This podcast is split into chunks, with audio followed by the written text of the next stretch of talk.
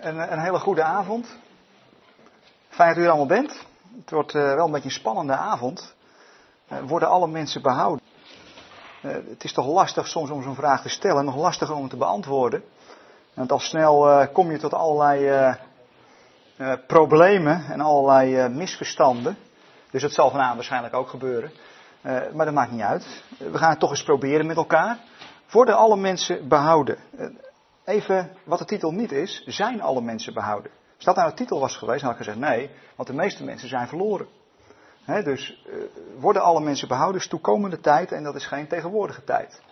De meeste mensen zijn nu verloren. Want om behouden te worden, zegt de Bijbel, moet je toch echt wel geloven in de Heer Jezus. Er is maar één naam gegeven onder de hemel, waardoor we behouden kunnen worden.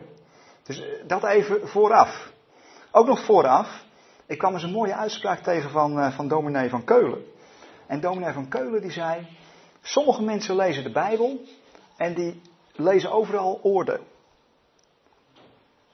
Andere mensen, zei Van Keulen, dominee van Keulen, gereformeerd predikant in, in Houten, een hele lieve evangelische man. Ik heb heel wat uh, van hem gezien en gehoord en meegemaakt in mijn NEM-periode. En uh, hij zei, andere mensen lezen de Bijbel en die ontdekken het hart van God. Nou, ik denk in dat kader zet ik eigenlijk deze avond neer. Het ontdekken van het hart van God. En uh, misschien eens een hele andere kant op denken. Wel graag vanuit het woord. Uh, deze man, dit is een, een oude predikant, dominee Tunderman. En dominee Tunderman was uh, predikant, gereformeerd predikant in Groningen. Uh, zo rondom 1920, 1930. En die schreef: Worden alle mensen behouden? Zal de genade in het leven van hen allen tot de overwinning komen? Hierop moet onmiddellijk in aansluiting aan het duidelijke getuigenis van de Bijbel een ontkennend antwoord gegeven worden. Nee, niet in het leven van allen zal die genade overwinnen. Is de overwinning van de genade dan toch beperkt door de onwilligheid van de mens? Zal het schepsel tegen God zeggen tot hier en niet verder? Dit verzet tegen Gods genade in het leven van zoveel is ons geheel en al een raadsel. Wanneer wij bedenken dat de eeuwige almacht van God zich achter die genade heeft gesteld. Daarom kan ook niet worden gezegd dat menselijke kracht aan Gods genade paal en perk stelt. Het moet wel van God zelf komen, de kracht der genade in te tomen. Het is zijn eeuwig besluit geweest om niet de hele mensheid hoofd voor hoofd weer in Christus tot zijn gemeenschap terug te leiden. Daarom staan we hier voor de verkiezende soevereiniteit van God. Daarin is waarlijk iets dat voor ons een raadsel blijft. We weten het antwoord wel, maar we kunnen het slechts in aanbidding nazeggen. Het heeft God niet behaagd. Zijn genade in het leven van alle mensen tot de overwinning te doen komen. Verder vragen kun je hier niet. Daarop is slechts een antwoord mogelijk. Dat heeft God zo gewild. Dit is lange tijd, dit, dit, staat symbool eigenlijk voor een manier van denken, wat dominee Tunderman hier uh, uh, beweert. Uh, een manier van denken wat je veel in Calvinistische kringen tegenkomt tot op de dag van vandaag. Waarom wordt niet iedereen behouden? Nou, dat ligt niet aan de onwil van de mens. Want als God het nou echt zou willen, zou hij dat dan niet kunnen bereiken? Natuurlijk wel, hij is toch soeverein, hij is toch almachtig. Nee, het ligt eraan het feit dat God het eigenlijk niet wil en ook nooit bedoeld heeft. Zo'nzelfde soort antwoord krijgen we van, uh, van een, een, een, moderne theoloog, die uh, nu ook in evangelische kringen uh, echt gewaardeerd wordt, de heer Pekker, dokter Pekker. En dokter Pekker die, die geeft ons eenzelfde soort antwoord als dominee Tunderman. En die spreekt ons evangelische, ik zeg even ons evangelische, omdat ik me bij deze manier van denken niet thuis voel. Maar ik zal u, straks zal u dat wel duidelijk worden uit mijn woorden. En dominee dokter Pekker die zegt dan, en het gaat ook weer over worden alle mensen behouden. Dat is de vraag die ik probeer zo scherp mogelijk neer te zetten. Die schrijft, dokter Pekker, Als God in Christus werkelijk de bedoeling had gehad om ieder mens te redden, zoals de evangelische christenen beweren, dan zal dat ook gebeuren. Want Gods wil is soeverein. Maar, vervolgt hij dan, het is nooit Gods bedoeling geweest om in Christus ieder mens te redden. Christus kwam alleen om de door God van tevoren uitgekozen mensen te redden. Dat is Pekker.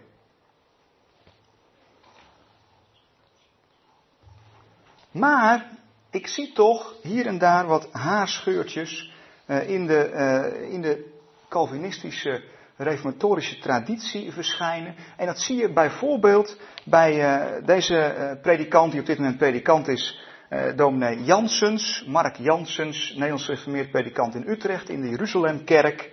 En, en die, die gaat toch wat verder. En die gaat toch een andere kant op dan Dr. Pekker en, do, en dominee Tunderman. En die schrijft, uh, en dan schrijft hij, even kijken waar ik het citaat heb. En toch, zonder ook maar iets af te doen van het gewicht van onze keus voor of tegen God, wel of niet geloven in Jezus, haast iedereen heeft een intuïtief grote moeite om met dit gegeven verder te gaan. Het verder te doordenken. Want het zou betekenen dat in de vernieuwde schepping, de nieuwe hemel en de nieuwe aarde, ergens iets afschuwelijks is. Hel, vuurpoel. En dat valt toch niet met elkaar te rijmen? Of is dit een menselijk, te beperkt gedacht? Maar niet zomaar eindigt een dogmatiek bij dit punt, met deze woorden. En ik neem het graag over omdat ik het zo prachtig vind.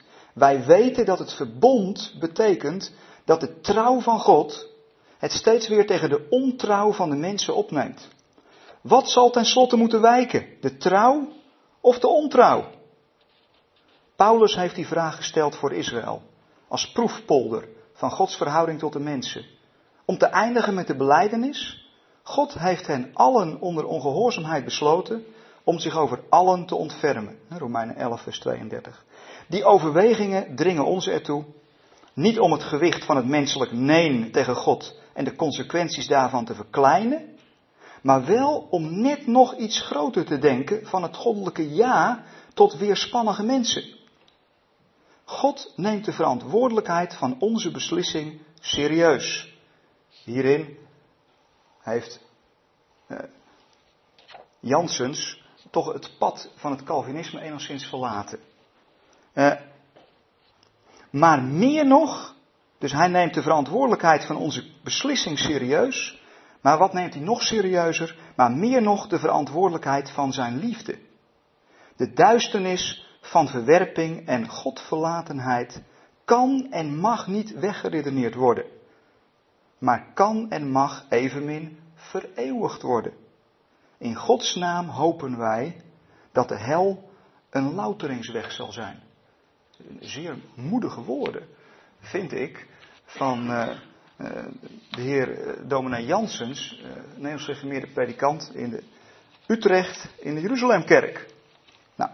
We willen, vanavond wil ik u nu, dit was even om het, de boel wat op scherp te zetten, hoe wordt er nu in theologische kringen over gedacht, en dan kun je al drie avonden over vullen natuurlijk, het is zomaar even een bloemlezing, Calvinistische hoek, wat meer evangelische hoek opgeredeneerd, uh, hoe kun je er nou vanuit de Bijbel tegenaan kijken? En ook dit is weer een bloemlezing, want hier kun je een heel jaar Bijbelstudie over doen. Ik wil vanuit een paar kanten wil ik naar dit dilemma gaan kijken. Worden alle mensen behouden? Eerst vanuit het plan, vanuit de naam en vanuit het karakter van God. En u moet hierbij bedenken, uh, ik ga steeds wat, ik, ik, wil proberen door de, door de Bijbel wat heen te leiden. Omdat ja, alleen maar theologen citeren, daar word je ook niet wijs van natuurlijk. Dat, die hebben daarover nagedacht vanuit de Bijbel. We zelf ook in, in die Bijbel duiken. En u begrijpt, ik heb die teksten geselecteerd. En u weet vast en zeker teksten die daar niet mee kloppen. Dus het is geen systeem wat ik u nu aanbied. Maar ik wil eens een andere kant laten zien. En ik zal ook nog een kopje problemen straks behandelen. Want van ja, wat doe je dan met oordeel en wat doe je dan met verloren zijn? En uh, hoe ga je dan ermee om? Vanuit de Bijbel. Nou, en dit allemaal in 35 minuten. Daar gaan we dan maar. Hè? Als u uw riem goed vastmaakt, uw gordels, dan blijft u zitten. Uh, nou, eerst vanuit de Heere God bekeken. En steeds weer in uw achterhoofd houden, het gaat om die cruciale vraag, worden alle mensen behouden? Uh, God heeft een plan. Ik wil graag met u lezen Efeze 1. Efeze 1, uh, vers, vers. Vanaf. vers 8. Efeze 1 vanaf vers 8. We zullen heel wat bladeren. Het is een, het is een thematische avond. Dus uh, we zullen heel, uh, hier en daar zullen wat grasduinen. En ik wil je zoveel mogelijk laten zien. En zoveel mogelijk met elkaar lezen. Zodat er een bepaald plaatje ontstaat. Efeze 1 vanaf vers 8. Paulus die is daar aan het woord. En die, die heeft daar een heel betoog. Eigenlijk is het één lange zin. Echt een Paulus zin. Waarin hij uitlegt ja, wat de Heer Jezus eigenlijk is komen doen. En dan lezen we even maar vanaf vers 7 nog iets verder terug. En in Hem, in de Heer Jezus, hebben wij de verlossing door Zijn bloed. De vergeving van de overtredingen naar de rijkdom van Zijn genade, welke Hij ons overvloedig heeft bewezen in alle wijsheid en verstand, door ons het geheimenis van Zijn wil te doen kennen, in overeenstemming met het welbehagen dat Hij zich in Hem had voorgenomen, om ter voorbereiding van de volheid der tijden al wat in de hemelen en op de aarde is, onder één hoofd, dat is Christus, samen te vatten. In Hem, in wie wij ook het erfdeel ontvangen hebben, waartoe wij tevoren bestemd waren. Krachtens het voornemen van Hem, en daar komt dat planmatige denken van de Heere God, die in alles werkt naar de raad van Zijn wil. God, zegt Paulus hier, laat zich, denk niet van nou, ik begin ergens aan en ik zie wel waar ik uitkom. Zo zitten wij soms mensen in elkaar, dat herken ik wel een beetje in mezelf. Je stort je ergens in en je ziet wel of het lukt of niet. Een avontuur. God begint een avontuur. Nee, hier staat, God werkt planmatig. Dat is toch wel heel Calvinistisch eigenlijk, hè, hier.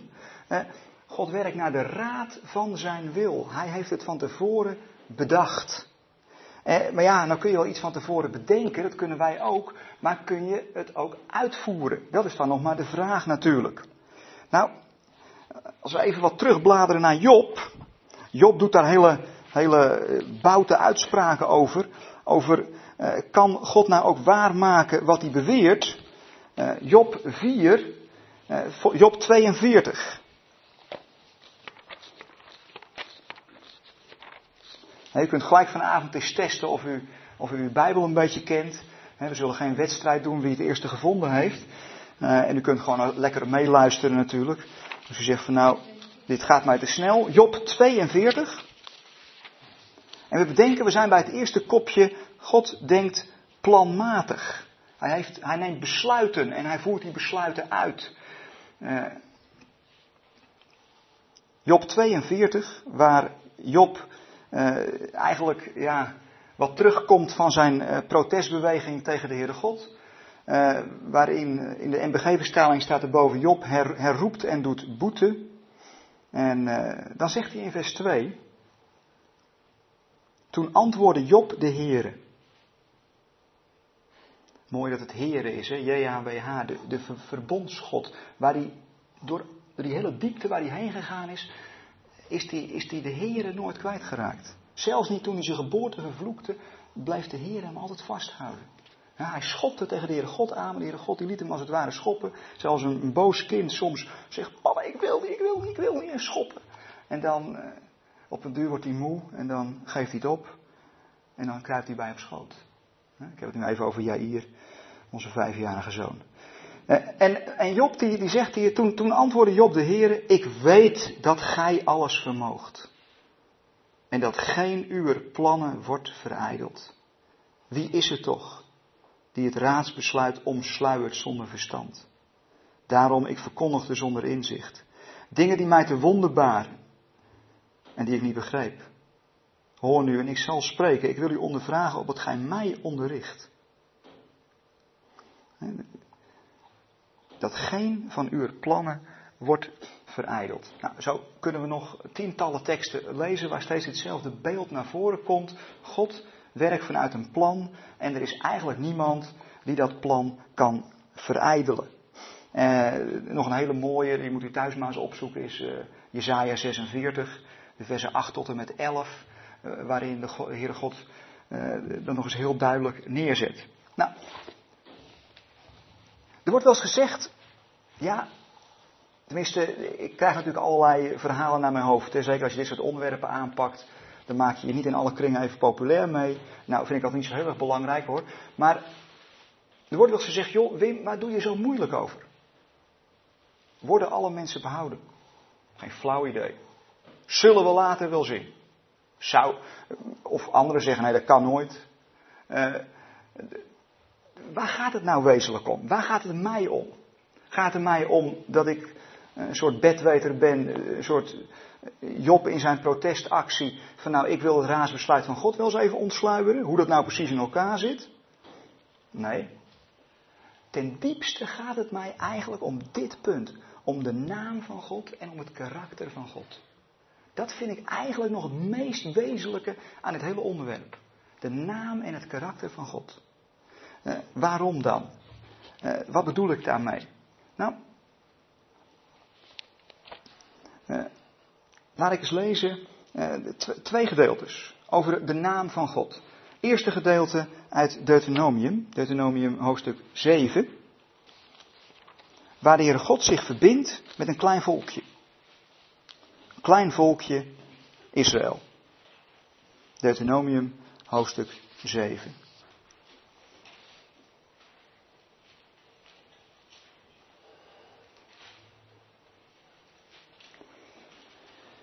Deuteronomium hoofdstuk 7, waar in vers 7 de Heere God uitlegt waarom hij Israël heeft uitgekozen.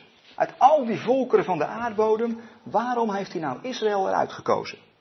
He, orthodoxe Joden die zeggen wel eens, als hij nog een volkje had moeten uitkiezen, had hij Nederland genomen. He, u weet het, Nederlanders zijn ook ongelooflijk eigenwijs. Uh, staat er in vers 7.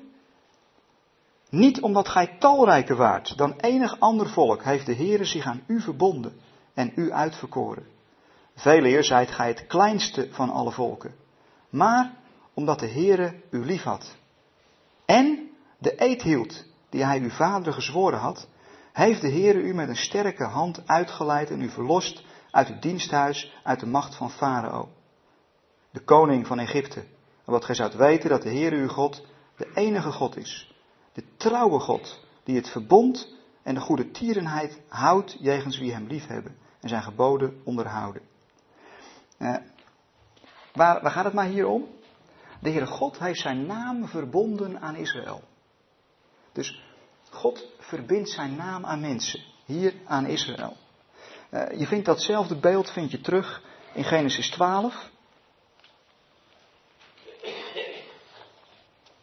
Genesis hoofdstuk 12, waar we later in verschillende andere onderwerpjes, deelonderwerpen ook nog op terugkomen.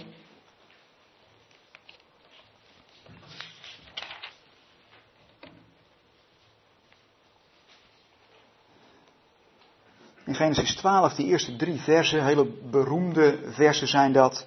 Ik, ik, ik lees u nog even voor uit de MBG-vertaling, eh, waar de Heere God Abraham eruit roept. De Heere nu zeide tot Abraham, ga uit uw land en uit uw maagschap en uit uw vaders huis naar het land dat ik u wijzen zal. Ik zal u tot een groot volk maken en u zegenen en uw naam groot maken en gij zult tot een zegen zijn. Wat doet de Heere God hier opnieuw? Hij verbindt zichzelf hij verbindt zijn naam, Heere, JHWH, verbindt hij aan Abraham. Later zie je dat hij zich verbindt aan Israël. En dat koppelt hij aan zijn trouw. dus hij verbindt zijn eigen naam aan mensen. En uh, dat gaat dan verder in Genesis 12. Ik zal u zegenen en uw naam groot maken en ge zult het een zegen zijn. Ik zal zegenen wie u zegenen en wie u vervloekt zal ik vervloeken. En met u zullen alle geslachten van de aardbodem gezegend worden. Dat laatste gedeelte komen we straks nog terug. Dus het gaat ten diepste, als het gaat om wie wordt er behouden, wie, wordt er verloren, wie gaat er verloren, heb je het ten diepste over Gods naam. God die zijn naam verbindt met Israël, die zijn naam verbindt met Abraham, die in Abraham zijn naam verbindt met alle families. Geslacht is een ander woord voor familie, met alle families op deze aardbodem. Je zou bijna zeggen, als je een naam ergens aan verbindt, je moet je eens voorstellen, eh, zo stel ik me het een beetje voor, je, je bent commissaris bij een bepaald bedrijf, je verbindt je naam ergens aan. Dan ben je mede verantwoordelijk voor wat er met dat bedrijf gebeurt. Je wordt er ook op aangesproken. Nou, we kennen dat soort voorbeelden uit de financiële wereld. Nou, zo zie je dat hier ook gebeuren. God gaat zijn naam ergens aan verbinden. Waarvan hij van tevoren weet, dit is een bedrijf, dat gaat niet goed. En toch verbindt hij zijn naam eraan. En hij zegt erbij, dat is gebaseerd op mijn trouw. Paulus zal later zelfs zeggen, als een mens ontrouw wordt, kan dat de trouw van God teniet doen. zitten we inmiddels in Romeinen 4. En dan, zegt Paulus, volstrekt niet. Want hij blijft getrouw. Zichzelf verloochenen kan hij niet. Dus hij zit daar als commissaris en hij is aansprakelijk. Dus het gaat ten diepste. Met andere woorden, als je zegt van ja jongens, wat maakt dat nou uit? Oh, wacht even. Je hebt het wel over de naam van God die zich daaraan verbonden heeft. Dus als je al niet geïnteresseerd bent in mensen, ik denk van nou ja, ik ken die mensen toch niet. Dus nou ja, maakt mij dat dan uit. Ik zeg het even heel cru hoor. Eh, zo erg bedoel ik het naar u natuurlijk niet, maar sommige mensen hebben dat. Die hebben zoiets van, nee, als mijn geliefden er komen, voor de rest zal het me een zorg zijn. Maar het gaat ook nog eens om de naam van God. En, en wat kunnen we leren over het karakter van God? Eh, ja, dan moet je natuurlijk, laten we daarvoor ook eens even kijken naar, naar de Heer Jezus. Uh, Matthäus 5.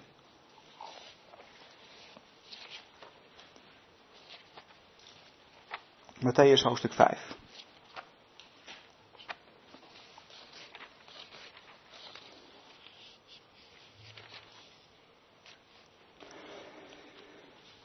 Het 43ste vers. En als je het hebt over het karakter van God, is dit wel heel wezenlijk, denk ik.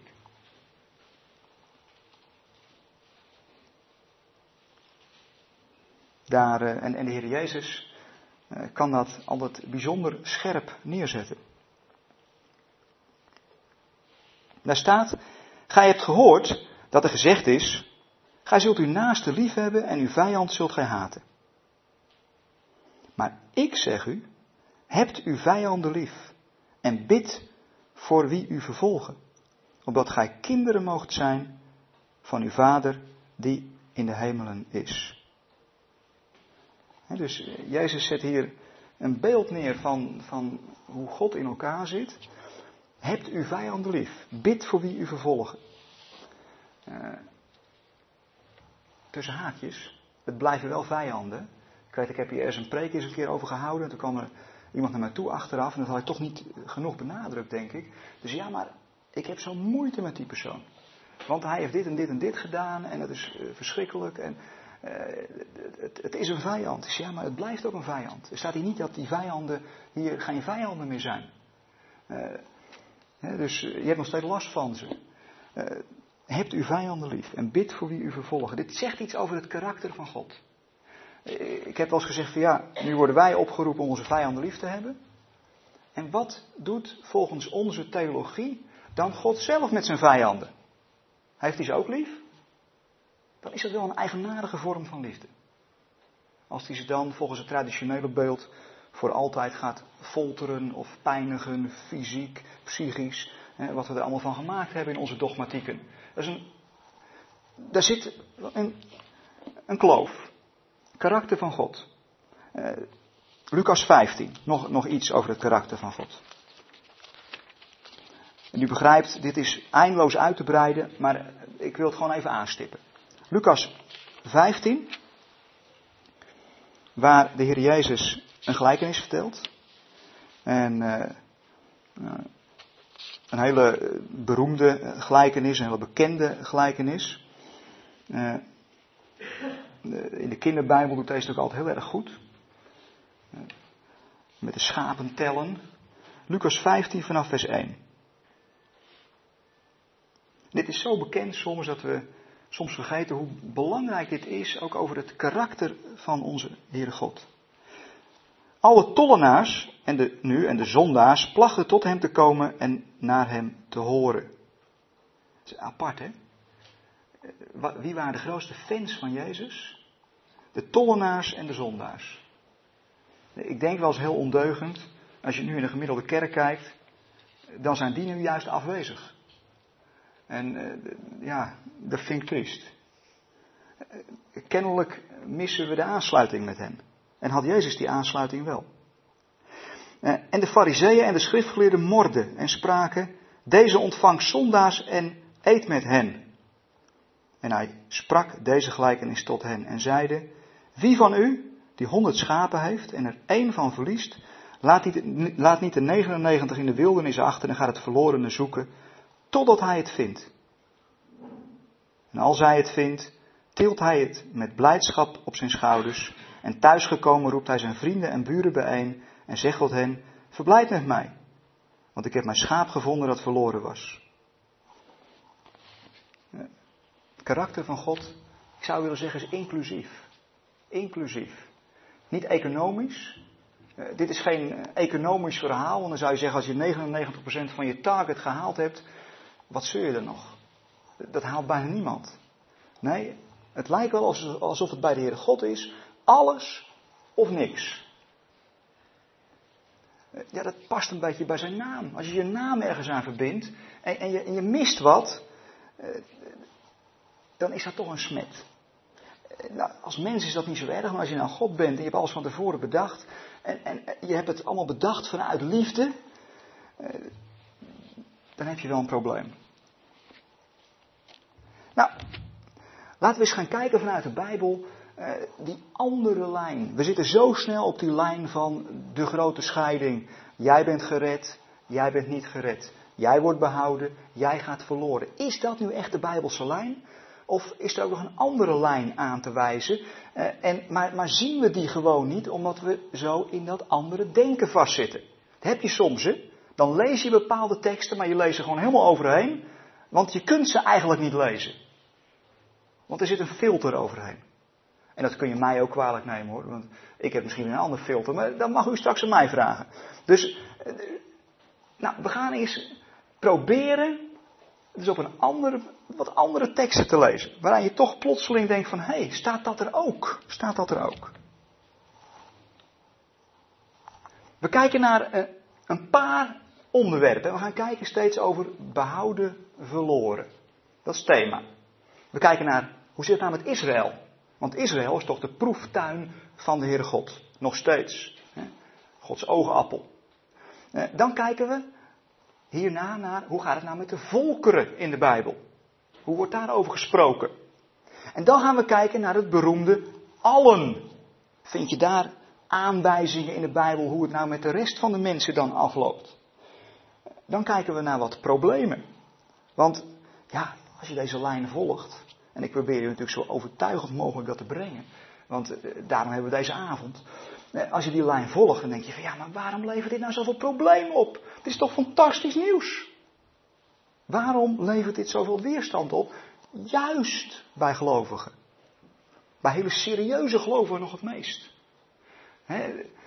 bij die tollenaars en die zondaars over het algemeen niet. maar juist bij die andere mensen. Apart. Ik, ik verbaas me daar nog steeds over. Maar er zijn wel redenen aan te wijzen. Gaan we ook nog even op in. En daarna wil ik nog naar het getuigenis van uh, een tweetal uh, lieden luisteren. Naar het getuigenis van Karel Bart. en naar het getuigenis van Hanna Whitwell-Smith. gaan we aan het eind nog naar luisteren. Die hebben ook wat nagedacht over dit onderwerp. Er nog heel specifieke dingen over gezegd. Eerst kijken naar hoe zit het nou met, met Israël. Nou, als je kijkt naar Israël, dan vind je daar vanuit de Bijbel een lijn, en dat is een hele wonderlijke lijn, van oordeel en ontferming. Heeft iemand een glaasje water? De lucht is erg droog hier, merk ik.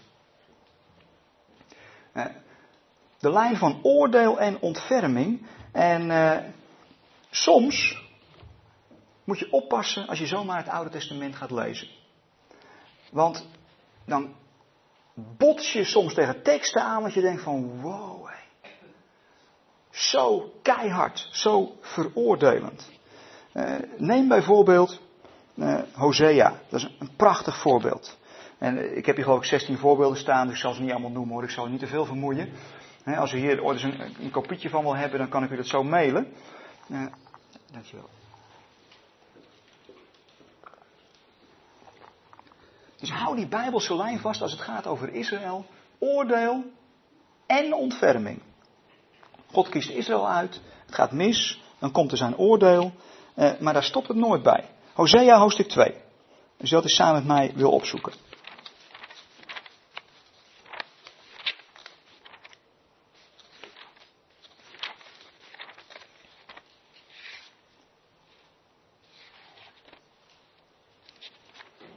Hosea, een van de kleine profeten, na Daniel komt hij. We zitten bij Hosea zo rond de 8e eeuw voor Christus. En uh, Hosea leeft in een tijd waarin het er uiterlijk nog wel redelijk goed uitzag met Israël. Uh, maar uh, ondertussen waren ze wel de Baals achterna gelopen. En een soort ja, mixed religie. Van alle walletjes werd wat meegegeten. Daar waar het meeste voordeel te behalen was. Een soort supermarktgeloof, zeg maar. twee halen, één betalen. Eh, je let goed op de bonusaanbiedingen. En als het bij de Baal goedkoper is, dan haal je daar. dus Israël liep de Baals achterna. En dan lees je in Hosea 2 dat de Heere God komt met zijn oordeel. En dat is een hard oordeel. dus ja, er wordt nog wel eens geroepen naar eh, mensen die beweren dat God misschien wel iedereen zal gaan behouden in de toekomst. Ja, maar wat doe je dan met het oordeel? Nou, dat is niet de vraag, wat doe je met het oordeel? Maar wat gebeurt er na het oordeel? Dat is de vraag. He, na het oordeel? Ja, dan moet je doorlezen. dus dat is de lijn die ik nu probeer neer te leggen. Vanuit de Bijbel. Het oordeel heeft nooit het laatste woord. Anders heb je het niet over God. Volgens mij. Dat is wel een heftige uitspraak. Hosea 2. Hosea 2, waar het begint met oordeel. Hosea 2, vers 1. Klaagt uw moeder aan, klaag haar aan, want ze is mijn vrouw niet. De vrouw in dit beeld is Israël. En ik ben haar man niet. Laat zij haar ontucht van haar gelaat verwijderen en haar overspel van haar boezem. Anders zal ik haar naakt uitkleden en haar laten staan, als de dagen toen zij geboren werd. Dat gaat wat verder, in vers 5. En het is steeds hetzelfde thema hoor. God komt met zijn oordeel door de ongehoorzaamheid van Israël. Daarom zie ik, ga haar u weg met doornen versperren. Ik ga tegen haar een muur oprichten, zodat zij haar paden niet vinden kan. Dan zal zij haar minnaars nalopen, maar hen niet bereiken. En zoeken, maar niet vinden. vers 8 gaat het nog wat verder. Daarom zal ik mijn koren wegnemen in de oogsttijd en mijn most in zijn seizoen. En wegrukken mijn wol en mijn vlas, die haar naaktheid moeten bedekken. Nu dan, ik wil haar schaamte ontbloten voor de ogen van haar minnaars en niemand zal haar uit mijn hand redden. Nou, hier denk je toch niet 1, 2, 3 aan, wordt Israël behouden? Als je dit leest, dan denk je, nou, niet dus. De Bijbel spreekt duidelijke taal.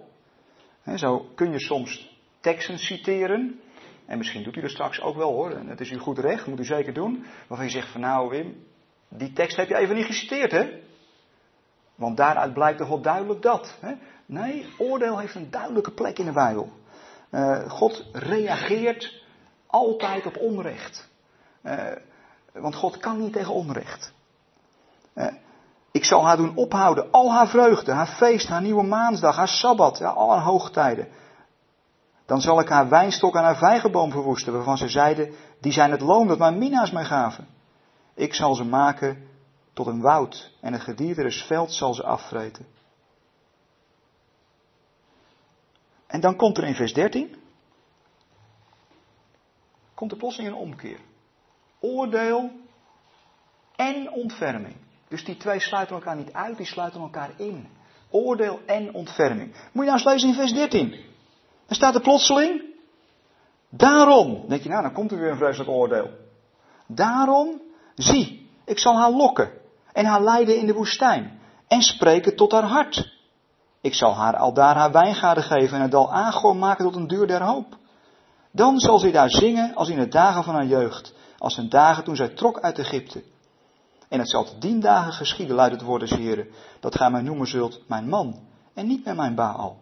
Ja, ik zal de namen de Baals verwijderen uit haar mond. Hun naam zal niet meer genoemd worden. De dien dagen zal ik voor hen een verbond sluiten met het gedierte des vels, het gevogelte des hemels en het kruipend gedierte der aarde. Ook de partij van de dieren wordt helemaal hierin meegenomen. Dan zal ik bogen en zwaard en oorlogstuig in het land verbreken en hen veilig doen wonen. Ik zal u mij tot bruid werven voor eeuwig. Ik zal u mij tot bruid werven door gerechtigheid en recht, door goede tierenheid en ontferming. Ik zal u mij tot bruid werven door trouw. Je hebt hier weer die trouw van God. Hè? Wat, wat wint het? De ontrouw van Israël of de trouw van God? Hier zie je een duidelijke winnaar. De trouw van God wint het van de ontrouw van Israël. Al gaat het wel dwars door een diep oordeel heen, waar Israël doorheen gaat. En gij zult de Heere kennen. Dat ook, hè? Dat ook. Gij zult de Heere kennen. Eh, behoud, sowieso in de hele Bijbel, is nooit een automatisme. Het gaat altijd via het kennen van de Heer. En waar het hier om gaat is het kennen van binnenuit. Het kennen vanuit het hart. het is niet een automatische piloot. Eh, eh, God is geen automatisme. God is een levende persoon. Die, die, die regeert en reageert op wat mensen doen. Uh, maar het eindigt hier bij de ontferming van God en het kennen vanuit het hart van de Heer door Israël. En wonderlijk genoeg, maar je moet het, moet het, je moet het gaan zien. Als je, als, je, als je die traditionele visie, die traditionele filter in je hoofd hebt, uh, jij bent verloren, jij bent behouden, dan zie je dit niet. Of anders probeer je het gelijk theologisch weg te verklaren. Want het past niet in jouw kader. Eh, in de Bijbel vind je deze lijn steeds weer als het gaat over Israël. Keer op keer is dit de lijn. Er is oordeel, en daarna gaat God zich ontfermen. je vindt het bijvoorbeeld in die beruchte drie hoofdstukken, waar ik die dan nog bij pak als het gaat over Israël. En dan gaan we door naar de volkeren. In die beruchte drie hoofdstukken in Deuteronomium. Waarin, de Heer, waarin Mozes het volk voorhoudt. Israël, luister. Jullie hebben je verbonden aan de Heere God. Weet wel wat je gedaan hebt. Want God is heilig, dus je zult ook een heilig volk moeten zijn. Je moet aan hoge ethische, morele maatstaven voldoen. Door de hele geschiedenis heen wordt Israël uh, door de volkerenwereld vaak anders behandeld dan andere volkeren. Aan de ene kant is dat natuurlijk oneerlijk, aan de andere kant uh, hebben ze zichzelf een hoge morele maatstaf opgelegd. Zij zijn het volk van God. En Mozes zegt, ik, heden zeg ik tegen jullie, als je God dient, als je hem volgt, zul je zegen van God ontvangen. Maar als je dat niet doet, komt de vloek. Hier zie je eigenlijk weer hetzelfde verhaal. Hè? Zegen en vloek. Dan zou je denken, ja, je hebt de keus. Als je kiest voor de vloek, ja, je fout gekozen. Dat begint dan in Deuteronomium 28, indien gij, het eerste vers. Indien gij aandachtig luistert naar de stem van de Heer uw God en al zijn geboden die ik u heden opleg naastig onderhoudt, dan zal de Heere God u verheffen boven alle volken der aarde. De volgende zegeningen zullen alle over u komen. Nu komen een groot aantal zegeningen. Uh, gezegend zal zijn in de stad, gezegend op het veld, gezegend zal zijn de vrucht van uw schoot, de vrucht van uw bodem, nou enzovoort, enzovoort. Uh, en in vers 10, dan gaat het plotseling over de naam van God. Dat komt ook steeds terug in de Bijbel. Naam en het karakter van God. Vers 10. Dan zullen alle volken der aarde zien dat de naam des Heren over u uitgeroepen is. En ze zullen voor u vrezen.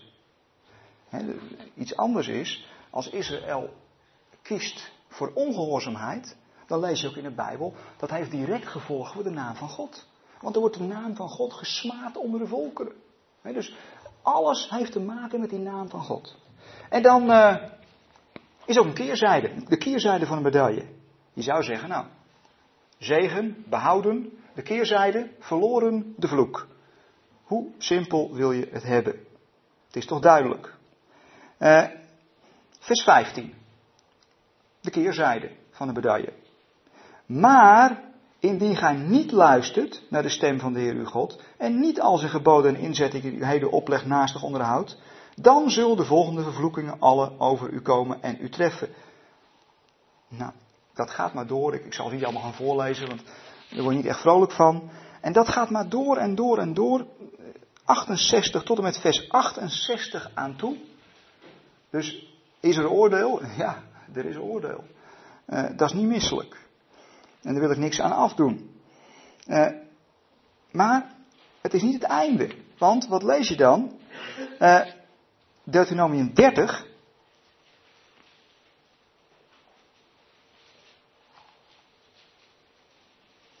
Dan lees je, wanneer, Deuteronomium 30 vers 1, wanneer dan al deze dingen over u komen, de zegen en de vloek, dat moet frustrerend voor Mozes geweest zijn. Dat hij profetisch al wist dat het op een gegeven moment fout zal lopen.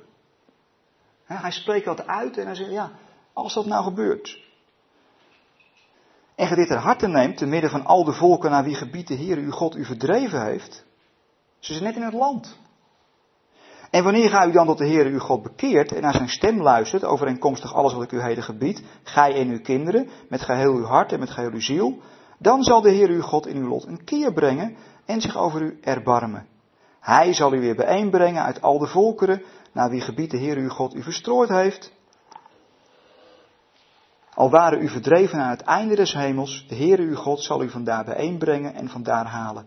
De Heer uw God zal u brengen naar het land dat uw vaderen bezeten hebben. Ga zult het bezitten en hij zal u wel doen en u talrijker maken dan uw vaderen. En let op, nu zou je denken, ja, maar dan moet je je wel eerst bekeren. Ja, bekering is, is noodzakelijk, maar zelfs daar heeft de Heere God stiekem al wat mee te maken. Maar eens luisteren, het staat in vers 6. En de Heere uw God zal uw hart en het, na, en het hart van uw nakroos besnijden.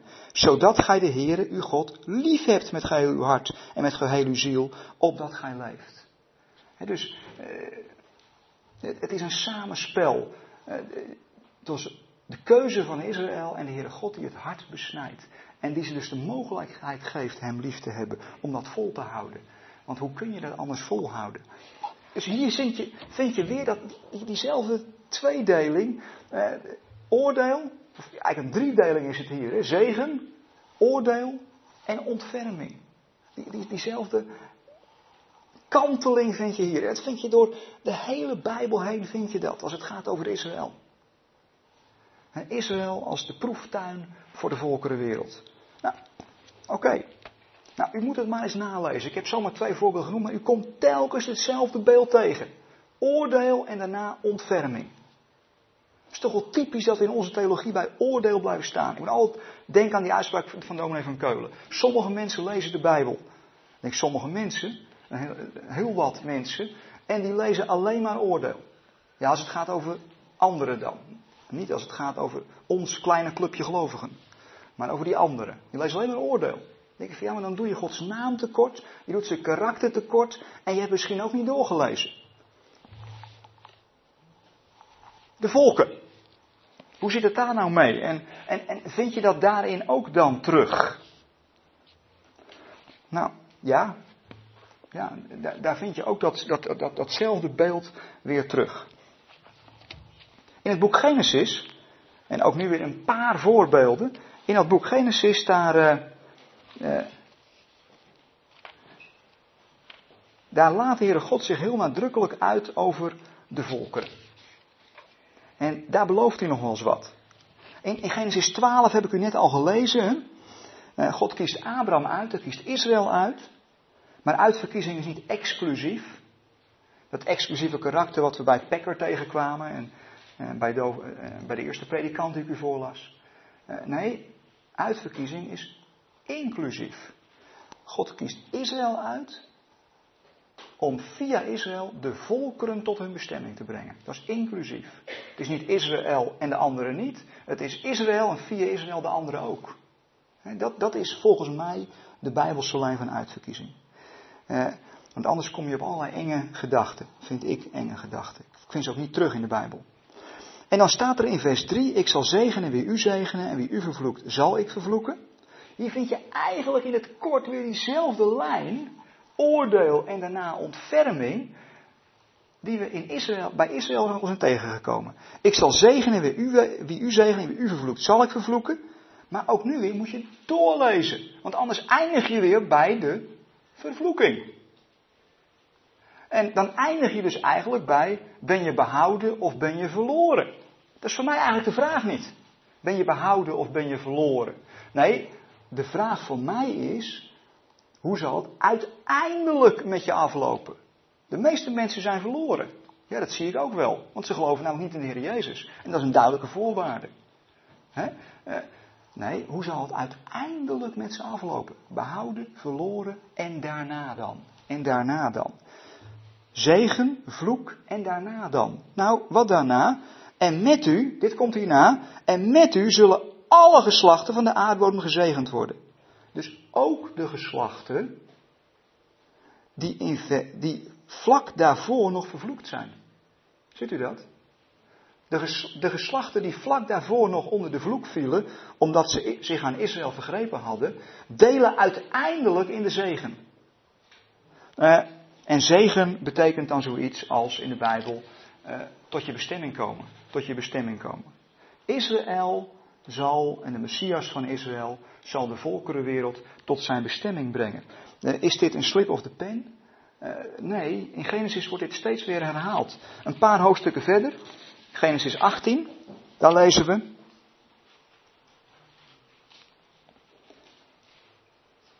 Genesis 18, daar herhaalt God deze belofte. Uh, als Abraham voor Sodom aan het bidden is, notabene. Want Sodom is natuurlijk ook een van die volkeren. Uh, Abraham, uh, vers 18, Genesis 18, het 18e vers. Abraham immers zal voorzeker tot een groot en machtig volk worden. De Heer God zelf is aan het woord. En met hem zullen alle volkeren der aarde gezegend worden.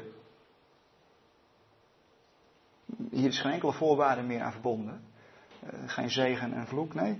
Hier wordt even de eindconclusie van de Heer. Uh, hier gaat God gelijk door naar zijn eindconclusie. En met hem zullen alle volken der aarde gezegend worden. Nog wat later, uh, na de volgende crisis, hier is de crisis Sodom. Na de volgende crisis, en die gaat nog veel dieper, want dan is de crisis Abrahams eigen zoon, Isaac. Genesis 22, wordt de belofte van de Heere God opnieuw herhaald. Genesis 22, het 18e vers. Na deze enorme persoonlijke crisis in Abrahams leven. En dan staat er, vers 17, Om, omdat gij dit gedaan hebt en uw zoon, uw enige, maar niet onthouden hebt, zal ik u rijkelijk zegenen en uw nageslacht zeer talrijk maken als de sterren des hemels en als het zand aan de oever van de zee. En uw nageslacht zal de poort van zijn vijand in bezit nemen. En met uw nageslacht zullen alle volken der aarde gezegend worden. Wat gij naar mijn stem gehoord hebt. Weer, zelfde herhaling. Nog een stukje verder, Genesis 26. Ik wil me even laten, laten merken ja, dat niet alles afhangt van één vers. Ja, maar jullie altijd met je vers. Ja, nee, het gaat om de grote lijn van het Bijbelse denken. Het gaat niet om een vers. Hè? Want anders, ja, je kunt met een vers kun je alles bewijzen, denk ik wel eens. Daar moet je altijd heel voorzichtig mee zijn. Het gaat om de grote lijn van het Bijbelse denken. Genesis 26, vers 3 en 4. Dan zijn we inmiddels wat verder.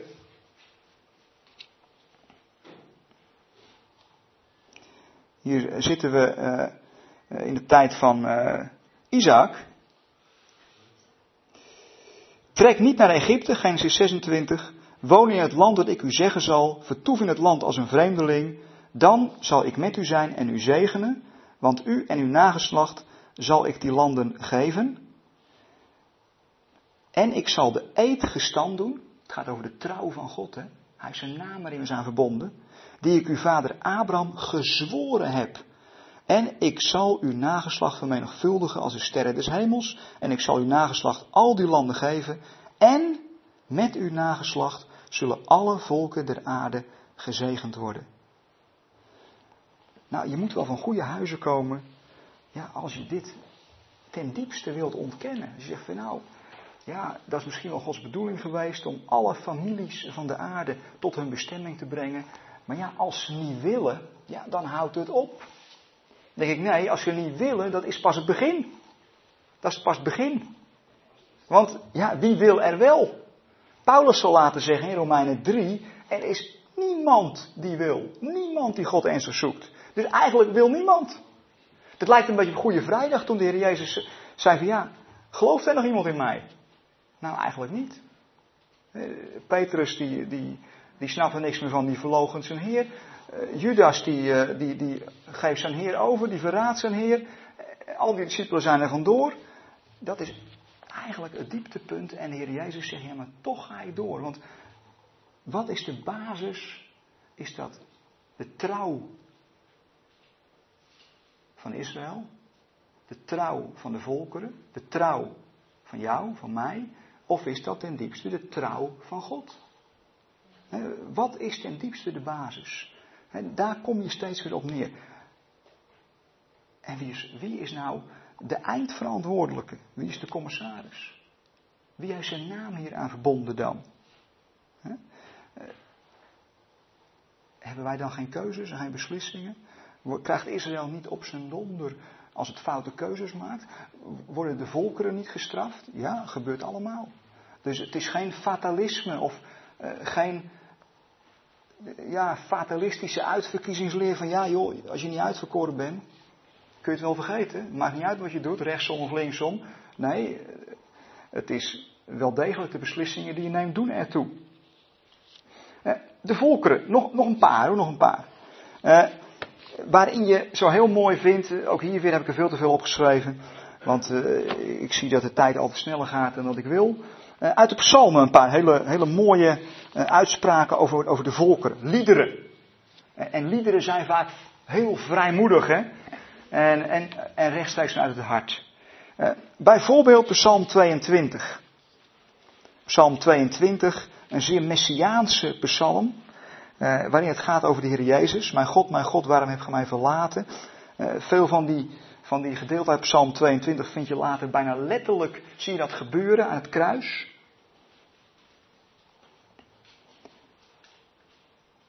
En dan, dan staat er uh, in vers 23, eigenlijk ja, na de opstanding, roept de Heer Jezus dat uit. Ik zal uw naam aan mijn broeders verkondigen. In het midden der gemeente zal ik uw lof zingen. En uh, omwille van de tijd gaan we gelijk even wat verder. Uh, hier staat dan uh, vers 28, want we hebben het over die volkeren. En hier is nog steeds diezelfde persoon aan het woord. Alle einden der aarde zullen het gedenken en zich tot de Here bekeren. Alle geslachten der volkeren zullen zich nederbuigen voor uw aangezicht. Want het koninkrijk is des Heren. Hij is heerser over de volken. Mooi is dat, hè? Prachtige uitspraak. Al die volkeren, ja, als ze tot hun bestemming komen, gaan ze zich bekeren en gaan ze zich nederbuigen eh, voor de Heer. Eh, eenzelfde mooie psalm. En, en dan zegt men soms, ja, maar Israël houdt zich helemaal niet bezig met de volkeren. Israël doet niet anders. Met Loofhuttenfeest, die 70 offers die ze brengen, is juist voor de 70 volkeren. Met de lulav waar ze overal naartoe zwaaien, daar zwaaien ze naar alle windrichtingen. Israël als uh, het licht van de natie. En natuurlijk ook de Messias van Israël. Hij uh, als hoofd. Psalm 67. En Psalm 67 ja, is een loflied op de verlossing van de volkeren.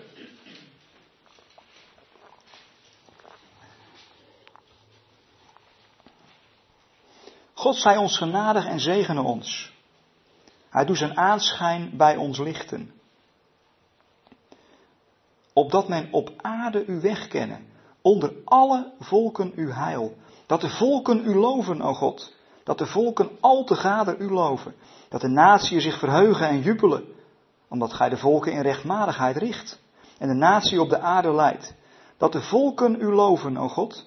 Dat de volken al te gader u loven. God zegent ons, vers 8, opdat alle einden der aarde hem vrezen. Ten slotte nog een vers over de volkeren in openbaring. dan gaan we nog kijken naar, naar dat allen. Openbaring 15.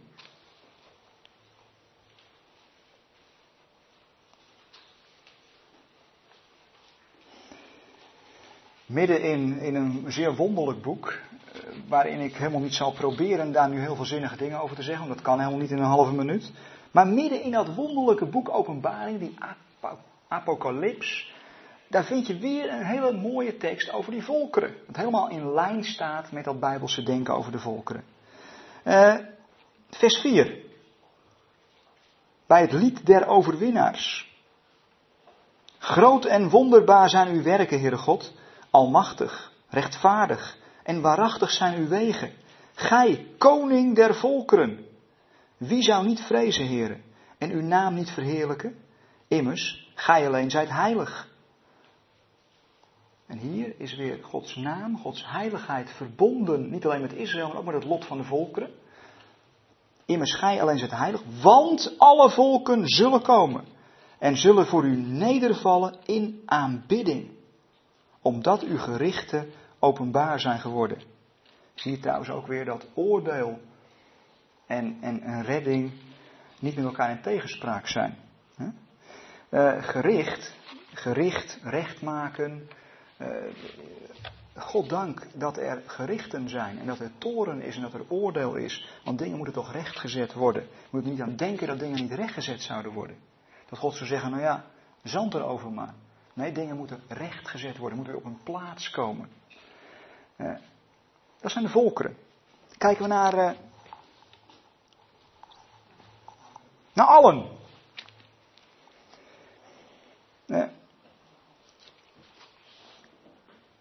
Hoe wordt in de Bijbel daar nu tegen aangekeken? Weer een paar versen. Ik heb er een stuk of 15 staan, geloof ik. Ik doe er drie. Omwille van de tijd. Eerst maar één uit Jezaja. Jezaja hoofdstuk 40.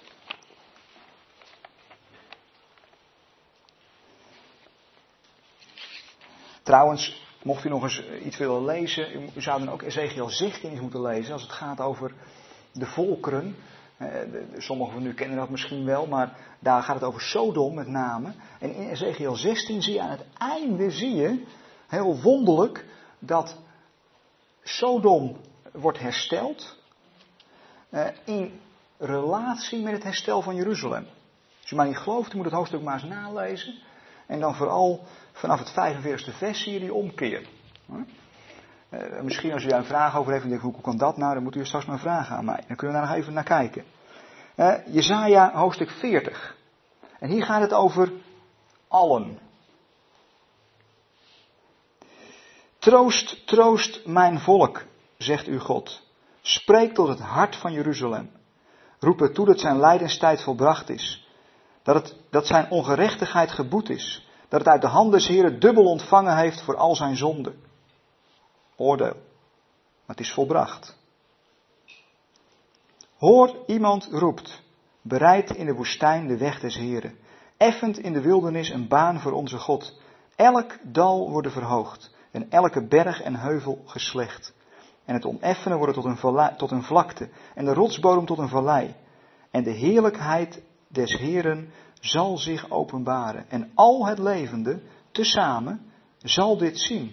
Want de mond des Heren heeft het gesproken.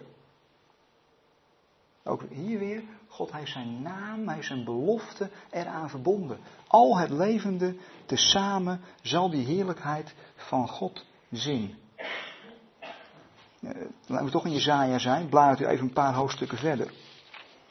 Jezaja 45. Een hele beroemde. Jezaja 45. Uh, waarin God nog eens even duidelijk zegt wie die is. Vers 21. Uh, je moet dat thema weer even in de gaten houden. Hè? Het gaat om die alle, uh, behoud, ja of nee. Ja, laten zij tezamen beraadslagen. Wie heeft dit van ouders doen horen? Het van overlang verkondigd. Ben ik het niet, de Heere? En er is geen God behalve ik. Een rechtvaardige, verlossende God is er buiten mij niet. Wend u tot mij en laat u verlossen, alle einden der aarde. Want ik ben God en niemand meer. Want ik heb gezworen bij mijzelf. Waarheid is uit mijn mond uitgegaan. En een woord dat niet zal worden herroepen. Dat voor mij elke knie zal buigen. Dat bij mij elke tong zal zweren. Alleen bij de Heere zal men van mij zeggen, is gerechtigheid en sterkte. Tot hem zal men komen. Beschaamd zullen staan allen die tegen hem in woede ontstoken zijn. In de Heere wordt het gehele nakroos van Israël gerechtvaardigd en zal het zich beroemen. Uh, trouwens, dat woordje beschaamd staan is hetzelfde wat je tegenkomt in Ezekiel 16 uh, bij uh, de verlossing van Jeruzalem. Als Jeruzalem verlost wordt, dat lees je aan het einde van Ezekiel 16, dan schaamt het zich kapot. Het schaamt zich, het schaamrood staat haar op de kaken. En, en de Heere God, die erkent zich van joh. Maar dat is geen tegenspraak met verlossing, nee. Soms zullen volkeren zich zo schamen over wat ze allemaal uitgevreten hebben. En ze zullen met lege handen staan. Maar hier staat weer, God heeft zijn naam aan verbonden, dat elke knie zal buigen, dat bij mij elke tong zal zweren. Nou, u, Paulus haalt dit vers aan, u weet wel waar. Een heel beroemd gedeelte uit Filippenzen 2, laten we die nog gelijk maar even erbij pakken. Filippenzen 2. En dan zit ik al aan drie versen hoor, dus hierna stop ik ook ongeveer. En dan slaagt die beroemde Romeinen 5 maar even over, want daar zegt Karel Bart zo meteen nog wat over. En Colossense 1 en nog veel meer tekstgedeelten. Sommige mensen zeggen dat zijn zijn stokpaardjes. Ja, dat klopt. Uh, daar ben ik maar gewoon eerlijk in. Maar uh, Filippenzen 2. Uh, Filippenzen 2, uh, wat we al tegenkwamen in Jezaja 45. Maar nu toegepast op de Heer Jezus.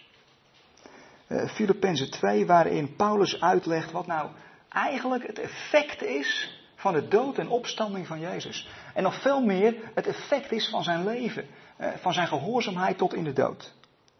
En dan uh, lees ik even vanaf het vijfde vers. Laat die gezindheid bij u zijn, welke ook in Christus Jezus was, die in de gestalte God zijnde het Gode gelijk zijn niet als een roof heeft geacht, maar zichzelf ontledigd heeft en de gestalte van een dienstknecht heeft aangenomen en aan de mensen gelijk geworden is. En in zijn uiterlijk als een mens bevonden, heeft hij zich vernederd en is gehoorzaam geworden tot de dood, ja tot de dood des kruises.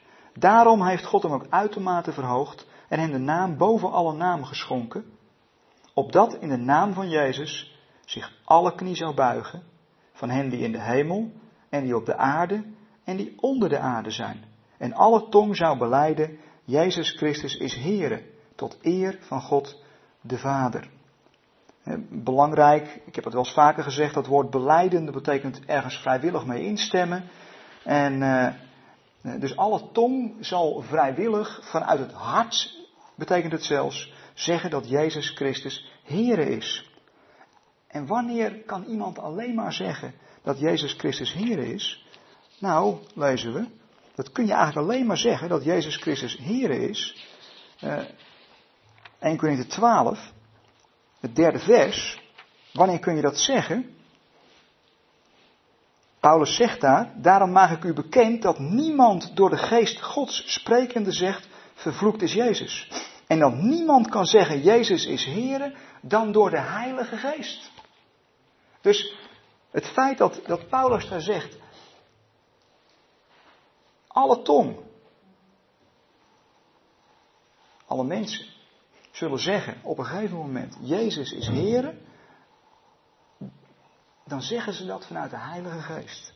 Dus ongelooflijk. Dus kennelijk is er ook voor alle mensen in Jezus' naam, niet in een andere naam, in Jezus' naam, na het oordeel ontferming. Dat hoeft ons ook niet te verbazen, want zo deed de Heere God het met Israël. Zo deed de Heere God het met de volkeren. En zo doet de Heere God het met het nageslacht van Adam. Het is een soort opeenvolgende uh, trap in de Bijbel. En als je het ene gaat zien, ga je het andere zien. En dan ga je de rest ook zien. Problemen. Hoe zit het dan met die toren van God? Want wat doe je daar dan mee? Ik ga geen heel betoog meer houden. Ik wil nog wel een paar, een paar hints geven. Wat doe je nou met die toren van God? Uh, eerst een psalm, dan Jezaja en dan klaagliederen. En laten we de rest maar even zitten, omwille van de tijd. Uh, eerst psalm 103. En ik ga er niet al te veel bij zeggen, want deze, deze teksten spreken eigenlijk voor zichzelf. Wat doe je nou met de toren en het oordeel van God? Bestaan die dan niet? Ja, die bestaan en die zijn zeer ernstig. En uh, er wordt niet voor niks ook voor gewaarschuwd. Uh, Psalm 103. Het achtste vers.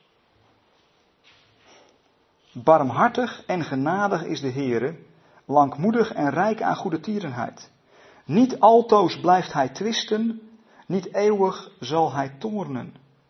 Hij doet ons niet aan onze zonden en vergeldt ons niet aan onze ongerechtigheden. Niet altoos blijft hij twisten, niet eeuwig zal hij toornen. De sleutel hangt bij de deur. Hè? Jezaja 54, de tweede.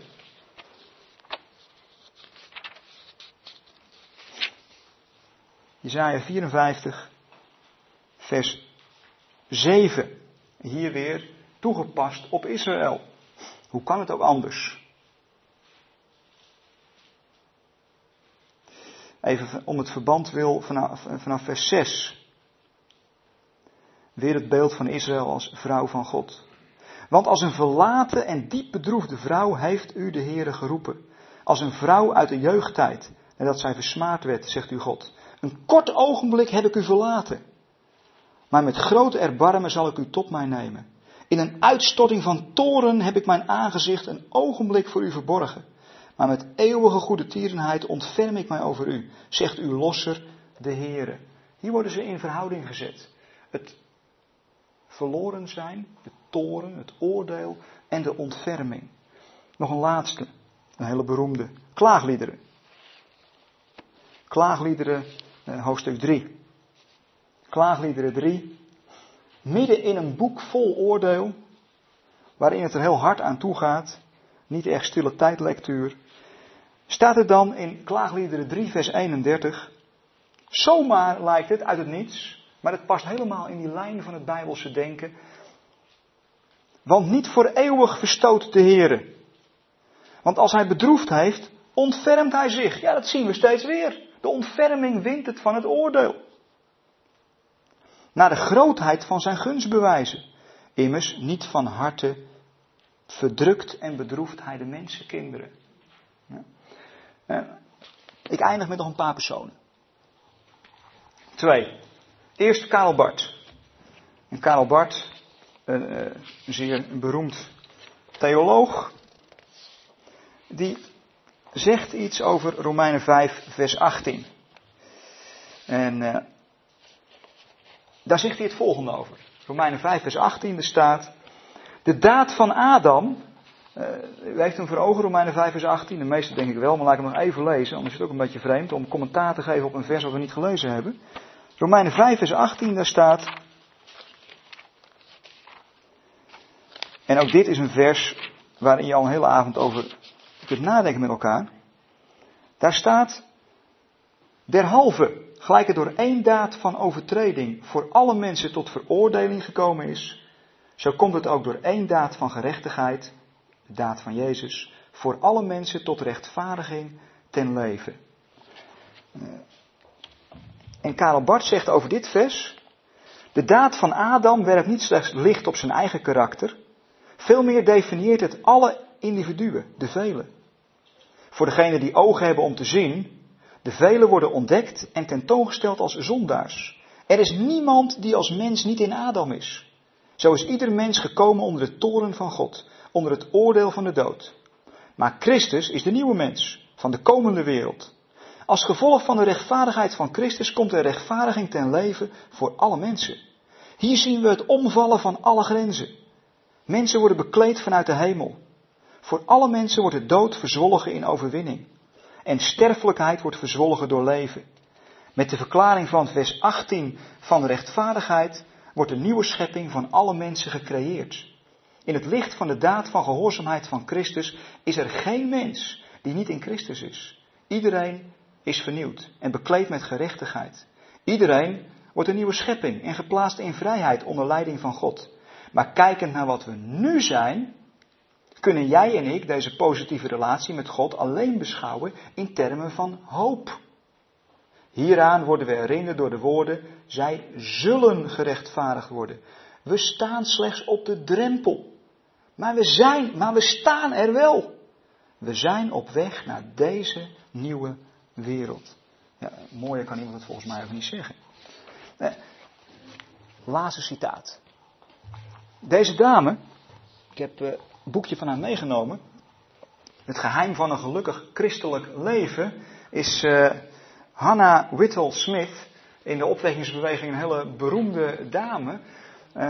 En dit, dit boekje, is heel jammer, daar mist een hoofdstuk uit. Het is postuum uitgegeven na haar dood. En vlak, vlak voor haar sterven heeft ze nog wat meegemaakt. En is ze van theologisch standpunt veranderd. En de uitgever later dacht ja, dat moeten we er maar niet in zetten, want dat zou lezers maar verwarren. En uh, daarom maar niet in het boekje. Het staat niet in het boekje, maar ik ga het u wel voorlezen. Haar eigen woorden. Het slot. Op een dag, Hannah Whittle Smith, zat ik op weg, zat ik in de tram op weg naar de markt in Philadelphia. Er stapten twee mannen in die tegenover mij gingen zitten. Ik kon ze maar vaag zien door mijn sluier heen, maar ik prees mezelf gelukkig dat ik ze niet scherper kon zien. Ik werd zo gespaard voor de hevige golf van angst die vaak over me heen kwam als ik andere mensen scherp in me opnam. De conducteur kwam langs om de kaartjes te knippen, dus moest ik mijn sluier afdoen. Op dat moment zag ik de twee mannen die tegenover me zaten heel helder. En weer kwam er een golf van angst opzetten. Het leek wel of ik een vernieuwde en duidelijke openbaring kreeg van de ellende en de zonde en wat het heeft aangericht bij mensen. Ik kneep mijn handen samen en schreeuwde het van binnenuit. O God, hoe kunt u dit verdragen? U had het kunnen voorkomen, maar dat deed u niet. U zou het zelfs nu kunnen veranderen, maar dat, doet, maar dat doet u niet. Ik kan niet begrijpen dat u door kunt gaan met leven en dit kunt verdragen. Opeens leek het alsof God mij antwoord gaf. Een innerlijke stem zei, met een klank van eindeloze liefde en tederheid, Hij zal terugkijken naar het lijden van zijn ziel en tevreden zijn. Tevreden, riep ik uit in mijn hart. Christus is tevreden. Hij kijkt naar de misère waar de wereld zich in bevindt en dan naar het lijden waar hij doorheen gegaan is ten behoeve van de wereld en hij is tevreden met het resultaat. Als ik Christus zou zijn, zou niets anders mij tevreden kunnen stellen dan dat uiteindelijk ieder mens gered zou worden. En daarom ben ik ervan overtuigd dat niets minder Christus tevreden kan stellen. Met dit inzicht dat in mijn gedachten doorbrak, leek het alsof er een sluier van me afviel. Ik zag dat het waar was, zoals de Bijbel zegt, dat, zoals in Adam alle sterven, zo ook in Christus alle levend gemaakt worden. 1 Korinthe 15, vers 22. De allen aan de kant van Adam konden in alle eerlijkheid niet minder zijn dan de allen aan de kant van Christus. Ik zag haarscherp dat de remedie noodzakelijkerwijs gelijk moest zijn aan de ziekte. De redding moet wel even universeel zijn als de val. Wat heeft dit voor praktische consequenties voor haar leven? Ja, wat maakt het nou uit? Ik, ik, ging snel naar huis om in mijn Bijbel te kijken of het fantastische feit dat ik had ontdekt, misschien al die tijd al gewoon in de Bijbel heeft gestaan, zonder dat ik het ooit gezien heb. Op het moment dat ik thuis kwam, heb ik zelf niet eerst mijn jas uitgetrokken, maar ben onmiddellijk naar de tafel gelopen waar mijn Bijbel en concordantie ligt en begon mijn zoektocht. De hele Bijbel leek wel verlicht. Op elke pagina scheen de waarheid van de wederoprichting alle dingen. Handelingen 3. Waarvan de apostel Petrus zegt, God heeft gesproken bij monden van zijn heilige profeten sinds het begin van de wereld. Ik bladerde van bladzijde naar bladzijde, hardop lachend van vreugde, door de golf van licht dat het geheel verlichtte. De Bijbel werd voor mij een geheel nieuw boek. Het leek wel of er een bedekking was afgevallen van iedere tekst. En mijn Bijbel was gevuld met nieuwe betekenis. De woorden waren niet veranderd. Ze moesten alleen begrepen worden. En nu eindelijk begon ik ze te begrijpen. We gaan een kopje koffie drinken en straks met u het woord.